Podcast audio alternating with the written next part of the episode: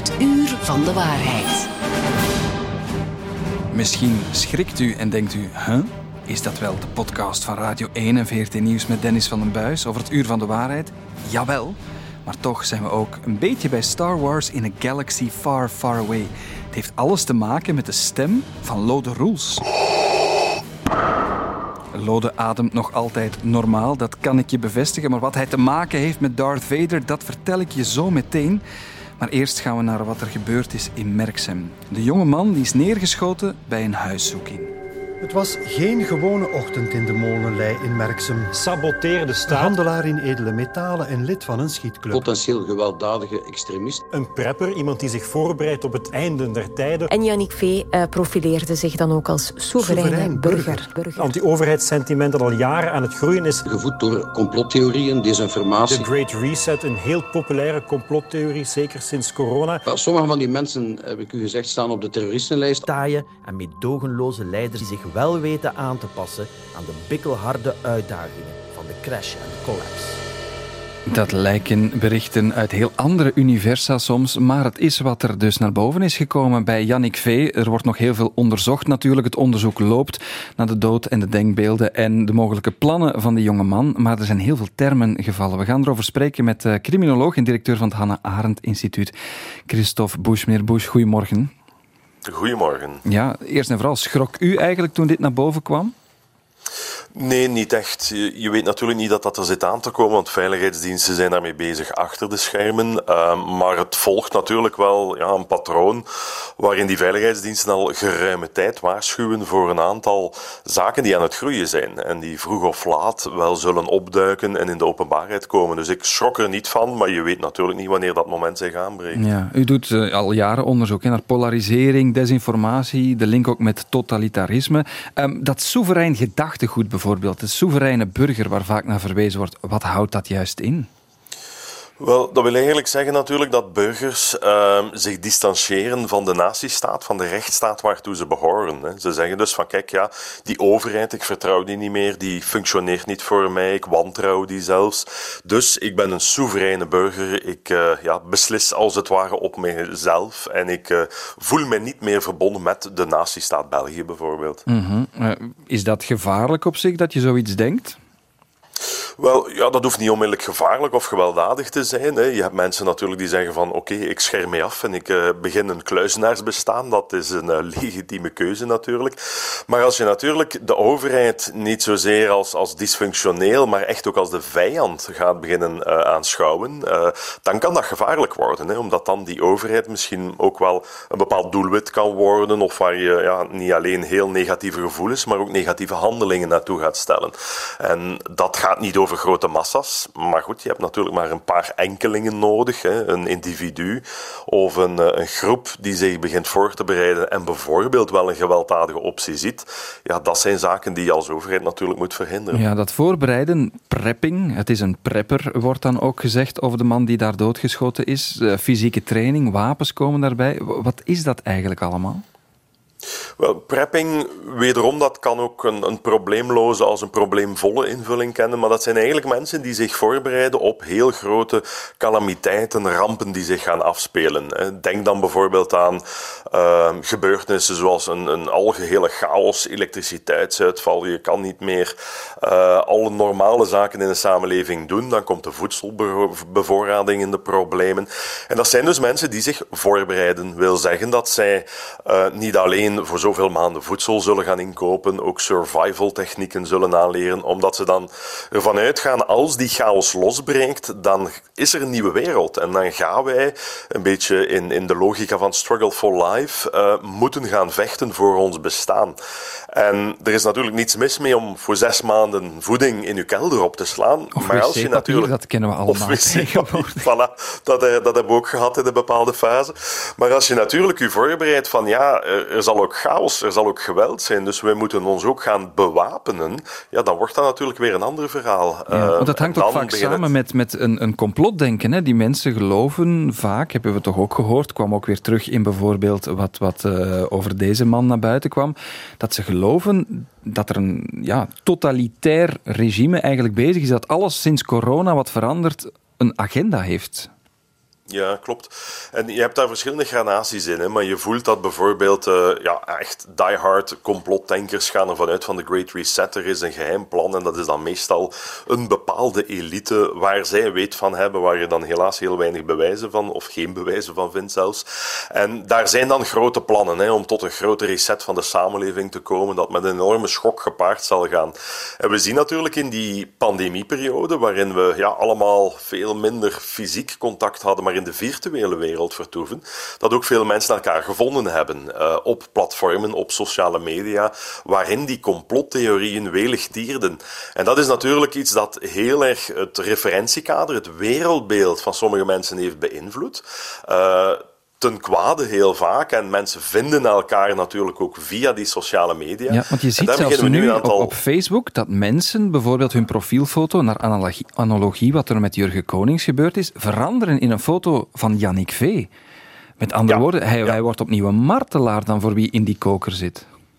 Ja, klopt. En, en dan krijg je natuurlijk ja, symbolische gebeurtenissen, symbolische personen, waarmee je als het ware zegt van, zie je wel, dit is het bewijs dat de overheid uh, tegen ons is. Hè, want een van ons, hè, die zich gewoon maar aan het voorbereiden was, uh, is neergeschoten tijdens een politiereed. En dan komen daar mogelijk weer nieuwe complottheorieën van. Kan je dat uh, tegenhouden, dat wel... die dynamiek?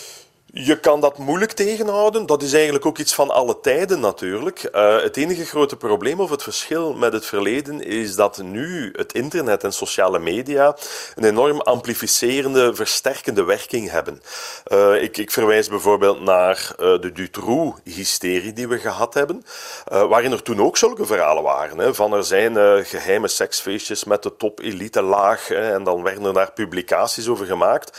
Maar dat werd enigszins beperkt. Waarom? Toen was er nog geen internet of geen sociale media die zo'n enorme acceleratie, versnelling en bereik gingen mm -hmm. uh, teweegbrengen. Dus dat is wel een enorm verschil vandaag. Natuurlijk. Ja, ja, ja. ja. Um, ik, ik, las ook een uitspraak van u in de Nederlandse pers die zei, ja, in, het, in het algemeen, wat, iets wat misschien ook meespeelt in het feit dat mensen ja, zich identificeren met zulke personen, is dat het witte, blanke mensen zijn waar de meerderheid van de Vlamingen misschien toleranter staat tegenover bepaalde dingen.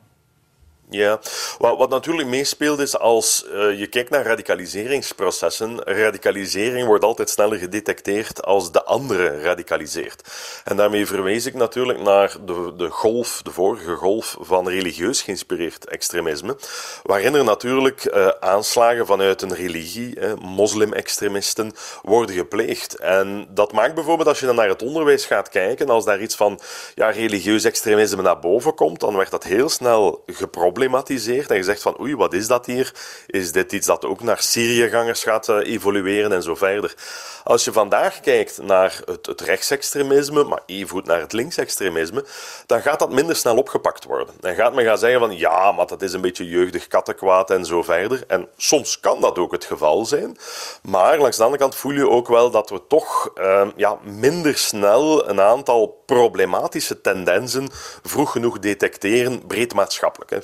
Veiligheidsdiensten die zijn daar natuurlijk gespecialiseerd mee bezig. Mm -hmm. Maar dat is iets natuurlijk, ja, het radicaliseren van de eigen populatie wordt altijd minder snel gedetecteerd of wordt iets meer weg naar gekeken dan de radicalisering van andere populaties ja, natuurlijk. Want dat, dat wil ik ook nog even voorleggen. Vaak wordt gezegd, die groeperingen zitten, eh, worden extreem rechts genoemd. Bij extreem rechts is er vaak ook inderdaad een, een, ja, een, een eigen volksdenken, racisme. Is dat ook bij deze groep mensen? Ja, wat je wel krijgt is een soort hybride vorm. Dus je gaat gaan merken dat verschillende groepen die eigenlijk qua ideologie incompatibel zijn.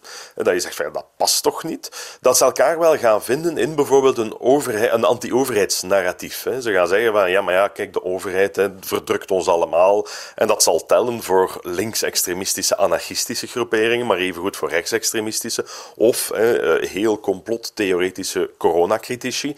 En ze gaan elkaar daarin vinden. En dan krijg je dus die verstrengeling natuurlijk van ja, eigenlijk een, een logisch, totaal inconsistent verhaal. Maar het is wel heel consistent in vijandschap naar de overheid toe. Ja, dat is dan wat hen eigenlijk bindt. Wordt dat ergens politiek gecapteerd? Ziet u dat gebeuren? Uh, ja, het wordt zeker politiek gecapteerd. Uh, en dat kan ook twee invullingen kennen natuurlijk. Hè. Het wordt problematisch gecapteerd, denk ik, door uh, partijen die daar populistisch gebruik van maken. Zie je trouwens niet alleen in België. Hè. Zie je in Zie je dat nu in België rond deze zaak ook?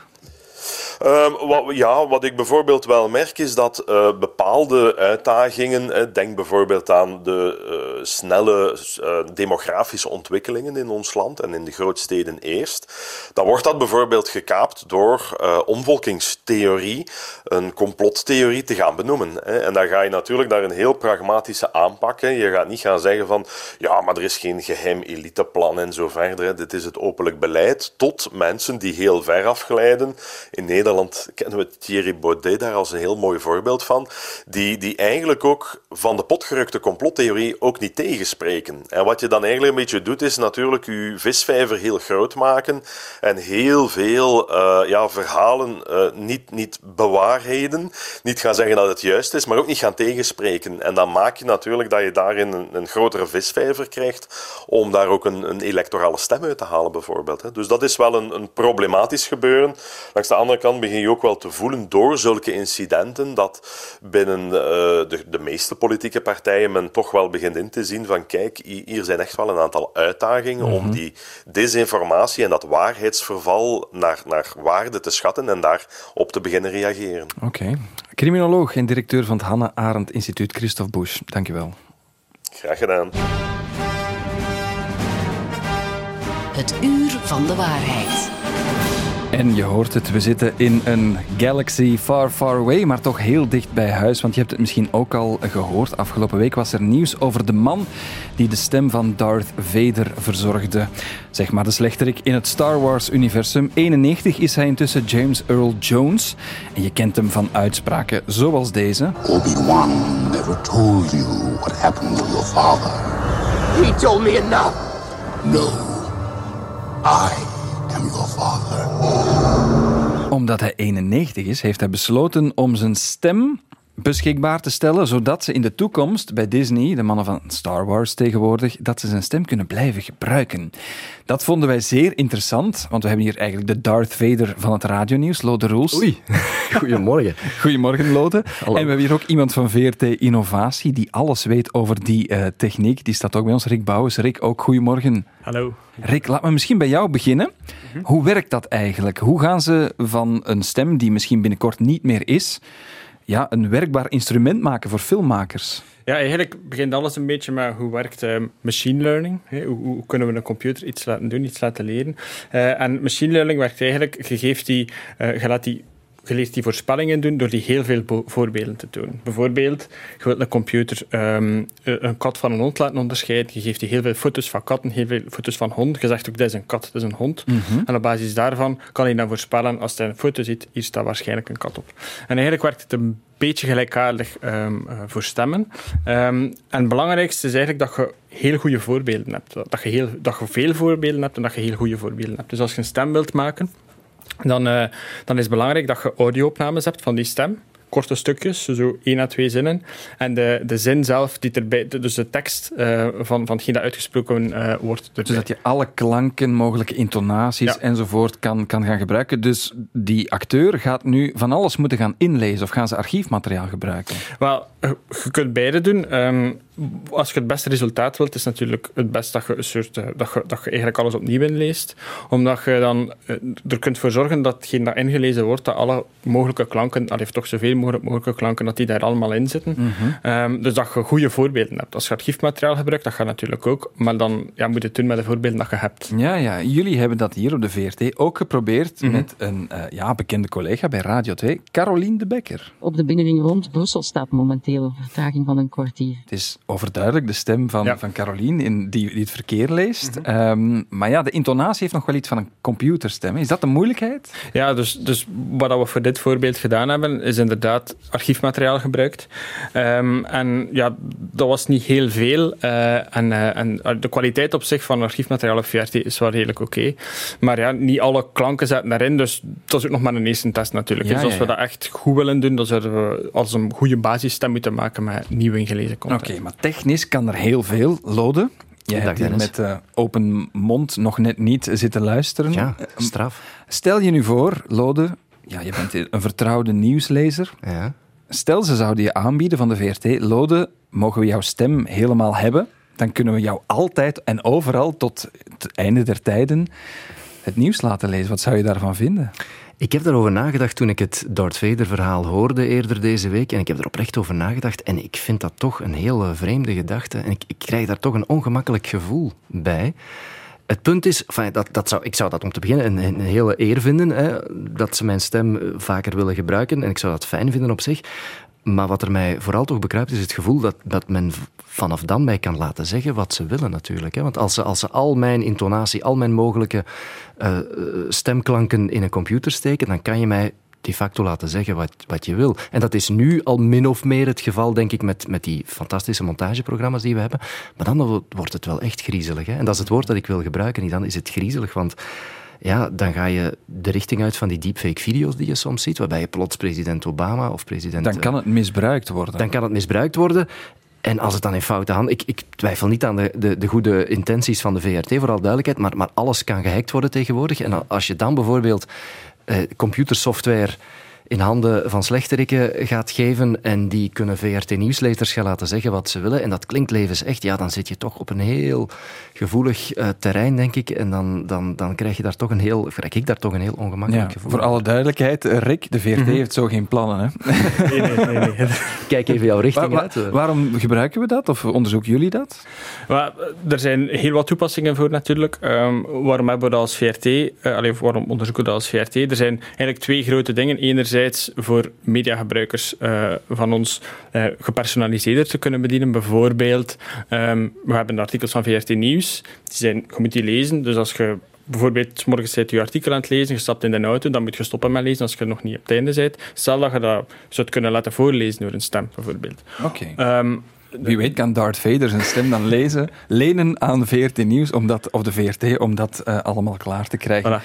Ja, Lode, het is toch misschien een kans gemist op eeuwige vakantie. Gewoon een aantal dingen inlezen en toch blijven werken voor ja, de VRT. Ook dat vind ik een rare gedachte, want je, je, dan zou je bijvoorbeeld, uh, verbeteren als ik fout doe, maar dan zou je bijvoorbeeld dezelfde nieuwslezer tot uh, het einde der tijden kunnen, kunnen gebruiken, of dezelfde presentator. Maar dan is toch dat authentieke weg van, van wat een presentator en een stem is, lijkt mij. Dus ik, ik, ik krijg er een ongemakkelijk gevoel bij. Het blijft uh, prikkelen en interesseren over die Darth Vader. En die stem staat ook een uitgebreid artikel op uh, VRT Nieuws. Rick Bouwers van VRT Innovatie en Lode Roels van hier bij ons op de redactie. Heren, met jullie echte stem, fysiek hier trouwens, voor alle duidelijkheid. Dank Juist. jullie wel. Graag gedaan. Graag gedaan. Het uur van de waarheid. De checkers.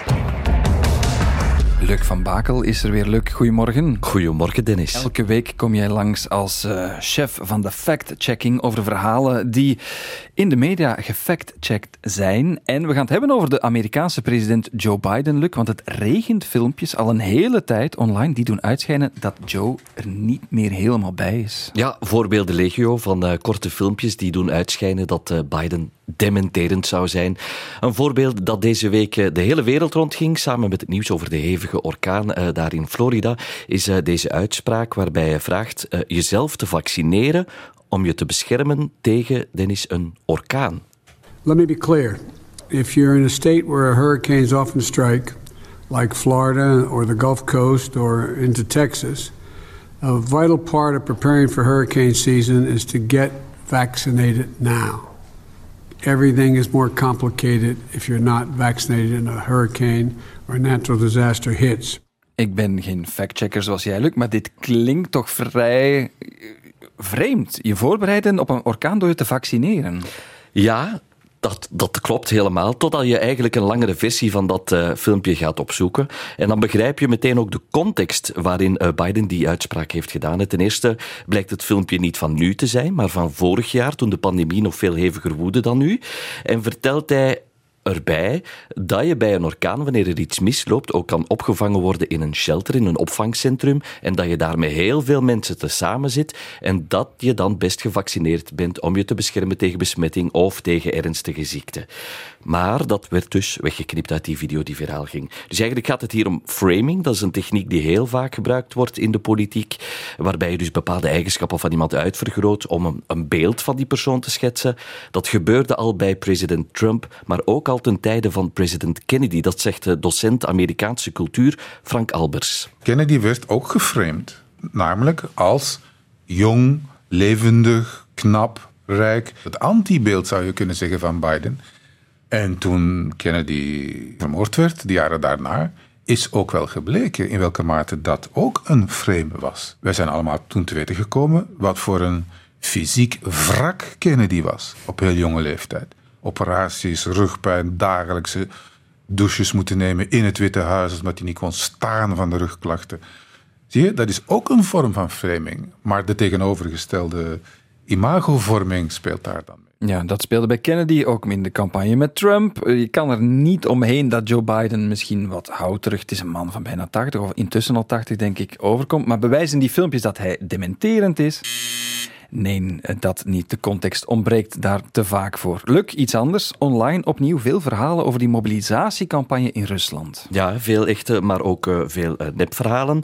En soms zijn ze ook moeilijk van elkaar te onderscheiden. Er is een voorbeeld van uh, lange files aan de grens met Finland van Russen die daar het land zouden willen ontvluchten. Beeld gaat rond op Twitter, op Facebook, op TikTok. Maar ook hier, het gaat om oude beelden genomen voor Poetin die mobilisatie nog maar had aangekondigd.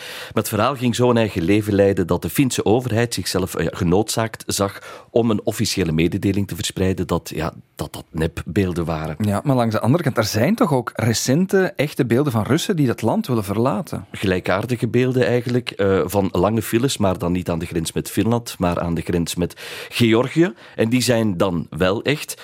Maar hoe weet je dat nu eigenlijk? En dat vroegen we aan collega Amra Dorsbajar, die voor ons beeldanalyses maakt. Wanneer we zulke beelden zien op sociale media, stellen wij altijd drie simpele vragen. Waar zijn de beelden gemaakt? Wanneer zijn de beelden gemaakt? En wat was het eigenlijk het context? En we proberen dan die vragen te beantwoorden door de zogenaamde OSINT of Open Source Intelligence technieken te gebruiken.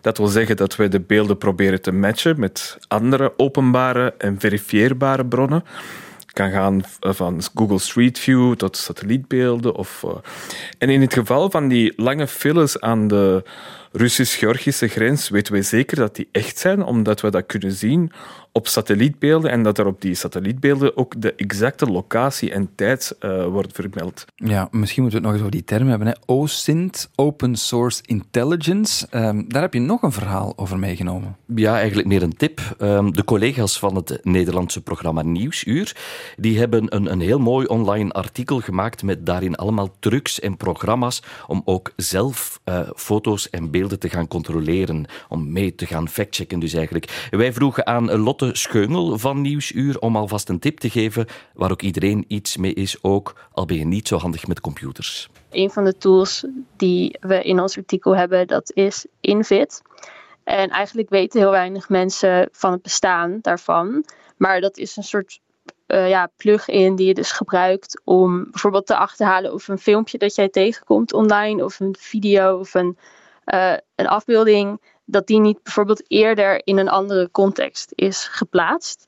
Dat je dan misschien met die manier ook mensen beter kunt wapenen tegen bijvoorbeeld fake nieuws en de complottheorieën die uh, op dit moment veel worden verspreid. Oké, een goede tip. De tool Invid met een D achteraan, gratis te installeren op je computer, gaan we onthouden. Luc? We kunnen die checks ook altijd nalezen. Hè? Waar vinden we dat? Wel, het factcheck-artikel van Nieuwsuur vind je terug op hun eh, webpagina. Dat is vpro.nl in Nederland. En alle factchecks van KNAK, Factcheck Vlaanderen en VRT kun je zoals altijd nalezen op eh, decheckers.be. Het uur van de waarheid. Het is nu al bijna twee weken aan de gang in Iran. Komen mensen op straat na de dood van Massa Amini, een jonge vrouw die stierf na arrestatie door de zedenpolitie omdat ze, ja, niet zedig genoeg gekleed zou zijn. Iets wat uit filmpjes op haar eigen sociale media een heel ander verhaal lijkt te blijken. Eén ding staat vast. Heel veel mensen komen op straat over heel Iran, niet alleen in de grote steden, ook in delen van Koerdistan. En het regime doet er alles aan om dat stil monddood te maken door het internet te blokkeren en ga zo maar voort. Maar toch komen daar heel veel signalen ook naar buiten. We hebben hier iemand bij ons, een Iraanse Belgische, die met een schuilnaam het liefst aangesproken wordt. De schuilnaam is niet toevallig Massa Amini. Massa, goedemorgen. Goedemorgen, Tanis. Ja, het feit dat we dit in alle anonimiteit moeten doen, dat zegt al heel veel over de gevoeligheid. Hè? Waarom wil je dit anoniem doen, dit verhaal? Vooral om de familieleden in Iran te beschermen. Uh, om ervoor te zorgen dat zij uh, niet door onze eigenlijk in problemen komen. Ja, dat toont aan hoe gevoelig het allemaal ligt. Want uh, hoe kijk jij naar wat er in Iran gebeurt? Het is geen wereldnieuws bij ons, zo lijkt het. Maar jij, jij volgt het op de voet. Het zou een wereldnieuws moeten zijn.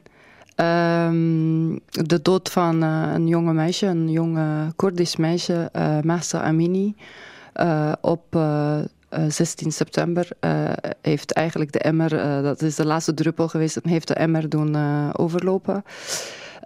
de vrouwen worden al jaren onderdrukt, eigenlijk na de revolutie, iets meer dan 40 jaar geleden, hebben de vrouwen geen rechten meer. Die kunnen niet meer beslissen wat ze willen dragen, hoe ze over de straat willen lopen.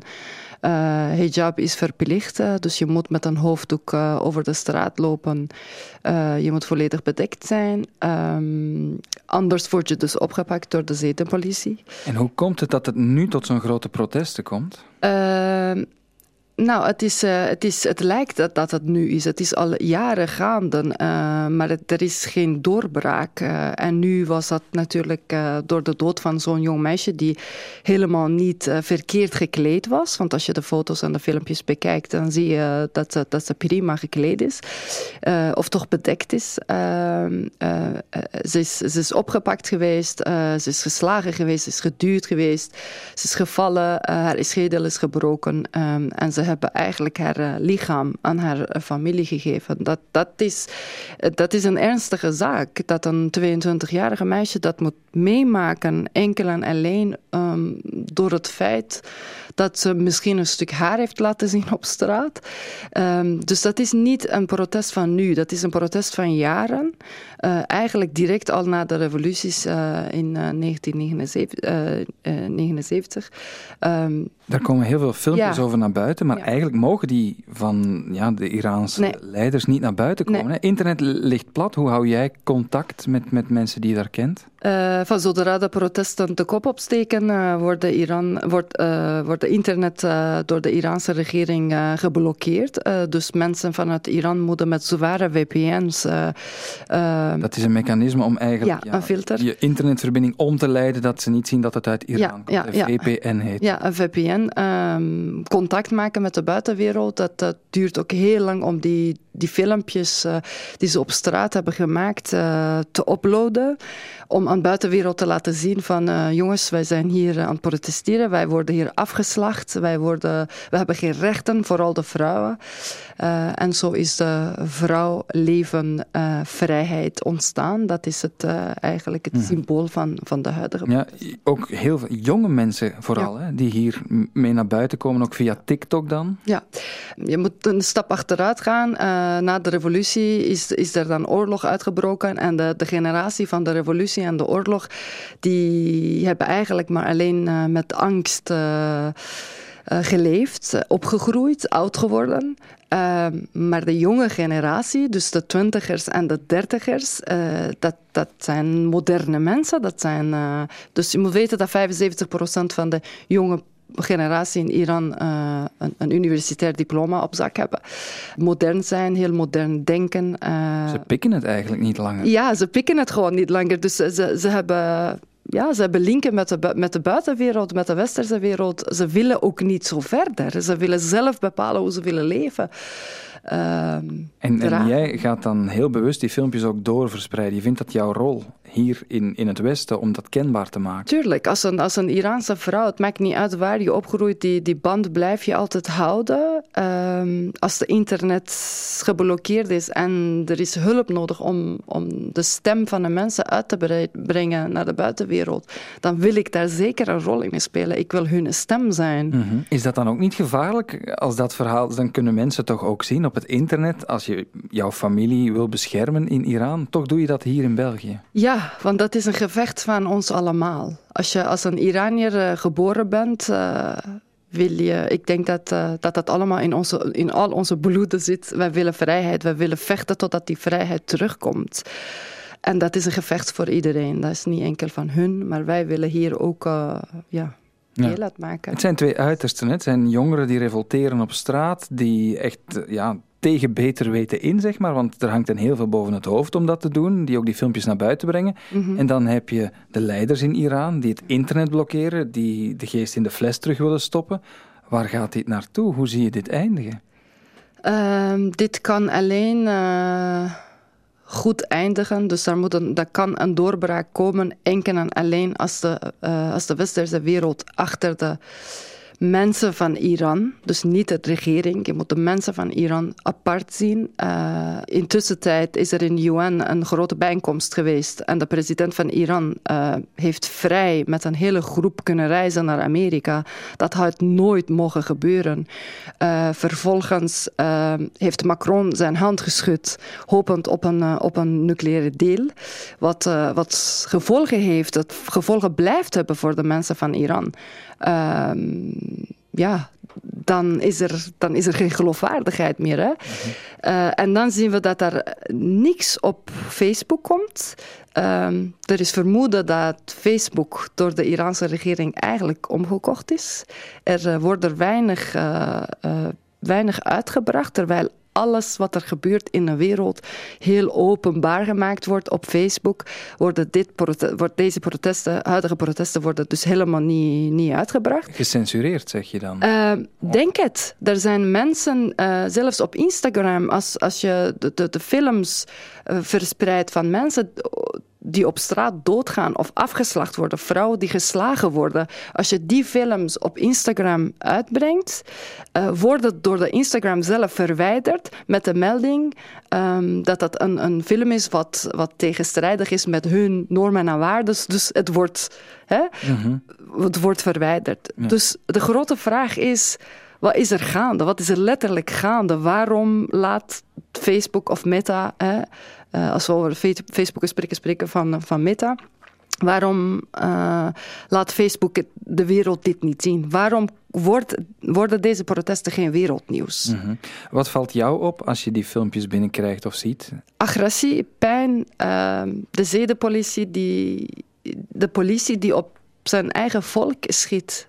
Dat is hartverscheurend, dat is pijnlijk, dat is uh, iets wat je niet kunt voorstellen. Als je je broers en zusters op straat zien uh, afgeslacht worden, dat is uh, pijn. Ja. Wat zeggen jouw familieleden in, in Iran over wat er nu gebeurt? Uh, ernstig. Mijn schoonbroer en zus en andere familieleden hebben het van nabij gevolgd. Die zijn elke dag op straat geweest, elke dag geprotesteerd, elke dag de filmpjes wat ze zelf meegemaakt hebben gepost. Um, elke dag aan ons gevraagd: wees onze stem. Laat de wereld het horen. Laat het Westen zien wat er gaande is nu in Iran. Dus. Jij was vanmorgen alvast een stem van dat verhaal. Massa, het is een schuilnaam niet ontoevallig gekozen. Dankjewel om hier bij ons te zijn. Dankjewel, Dennis. Alles begint bij luisteren. Radio 1. Ik weet niet hoe het bij u in de buurt zit, maar als ik de afgelopen dagen s'avonds ben buitengekomen, het wordt al wat kouder, sneller donker, dan ruik ik overal brandhout. De stovende kachels gaan massaal weer aan door de hoge gasprijzen. En blijkbaar zijn er ook malafide houthandelaars die zich daarop storten. Rien Emery van onze redactie, goedemorgen. Goedemorgen. Rien, malafide houthandelaars, wat zijn dat? Het zijn zelfs geen houthandelaars. Het zijn eigenlijk gewoon oplichters op internet die een valse webshop aanmaken waar je zogezegd brandhout en pellets en andere brandproducten kan uh, bestellen. Maar als je dat doet en je bestelt ze, dan ga je ze nooit geleverd krijgen en je bent gewoon je geld kwijt. Ja, het ziet er heel echt uit. Uh, het lijken houthandelaars zoals elke andere, maar toch, toch zijn het oplichters. Hoe kan je dat herkennen? Heb je daar tips voor? Wel, ga zeker niet af op de kwaliteit van de website of zo, want uh, de neppe webshops zien er soms professioneler uit dan de websites van de echte houthandelaars. Okay. Dus dat is, dat is, het eerste. Um, een paar dingen waar je op kan letten is twee grote dingen eigenlijk. Eén is de prijs. Oplichters zullen altijd een te aantrekkelijke prijs aanbieden. Een prijs die te goed is om waar te zijn. Dan is het ook meestal ook niet waar. Het tweede waar je op kan letten is de vestiging. Dus um, ga altijd op zoek naar een adres op de website. Ehm, als er geen adres staat, is dat al een beetje verdacht. En geef het ook eens in in Google Maps. Ga eens gaan kijken als er een adres staat van klopt dat adres wel? Want men durft ook gewoon een vals adres opgeven. Uh, ik zag één valse website onlangs passeren. Ik ging naar de website toe. Er stond een adres in Somleuze, ergens in de Ardennen. Maar als je het intypte in Google Maps en je ging in Street View kijken, dan bleek het gewoon een huis te zijn en helemaal geen houthandel. Okay. Nu, er zijn nog, nog veel meer tips te vinden op, uh, op Safe on Web. Ja, Safe on Web, dat is de website van de overheid die alle burgers op een uh, snelle manier wil informeren. Ook advies geven natuurlijk over veiligheid op het internet, phishing, dreigingen. En ze merken daar dat die fishers de actualiteit over de energieprijzen op de voet volgen. Dit is Katrien Eggers van Safe Web. Bijvoorbeeld nu is er veel te doen geweest rond die energiesteun. En bijna de volgende dag zagen wij phishingberichten opduiken rond precies die energiesteun. We zien dus voorbeelden die van Engie of Fluvius lijken te komen en die dus mensen aanmoedigen om een energiesteun aan te vragen. De berichten komen heel serieus over en zijn overtuigend en ze moedigen mensen aan om op een link te klikken om dan hun gegevens achter te laten om dan in aanmerking te komen voor die premie. Maar dat is natuurlijk vals. Ja, Rien, of het nu gaat over, over energiesteun, over premies, over facturen. Die fishers die zijn uit op ons geld. Hè. Hoe kan je vermijden dat je in de val trapt? Wel, altijd eerst onderzoeken van waar de e-mail komt. Als je bovenaan in de header van je e-mail kijkt, dan zie je het afzendadres. En dat moet een officieel adres zijn. Pas op, men doet vaak alsof het een officieel adres is. Men zet daar uh, vertrouwenwekkende woorden in. Maar de echte adressen die staan vast en kan je altijd terugvinden op de officiële websites van de overheidsinstanties die voor die premies zorgen. Dus dat kan je checken. Laat het zeker eens zien aan iemand anders um, als je zo'n e-mail krijgt. En voornamelijk als je gevraagd wordt om bankgegevens of om paswoorden. Of, uh, of zelfs om je telefoonnummer, geef dat niet door. Dat is vaak nadat je op een link geklikt hebt, hè? Ja, je, vanuit de e-mail is er geen probleem, maar als je op een link klikt in de e-mail en je wordt afgeleid naar een website, is het vaak van, ah, hier moet je gewoon je bankgegevens ingeven en dan storten wij die premie. Maar natuurlijk met die bankgegevens die je ingeeft en vaak ook met je telefoonnummer dat men heeft, belt men je dan op nadien en doet men alsof men van de overheid is en moet je dan paswoorden geven of uh, bankcodes, et cetera. En zo, zo ben je uiteindelijk soms nog veel meer geld kwijt. Ja, want effectief, dat gebeurt nooit, hè, dat de overheid of de bank je belt om die gegevens door te geven. Valt er zoiets in je mailbox, mag je dat altijd mailen naar verdacht.safeonweb.be. En ga zeker niet over tot het doorgeven van die gevoelige informatie. Denk toch eens twee keer na. Rien Emery, dankjewel voor je tips. Houd veilig. Wat hebben we weer veel bijgeleerd tijdens dit uur van de waarheid over malafide brandhoutverkopers, over Iran, social media en ook dat onze baken in tijden van onbetrouwbare informatie Lode Rules niet in de voetsporen wil treden van Darth Vader. Meer straffe verhalen en podcasts ontdek je op VRT Max en dat is geen fake news. Fake news. There's never been an innovation that's so easy to do. They used to be lies, now they're alternative truths. So if you fake it with me, I'll fake it with you. Yeah. This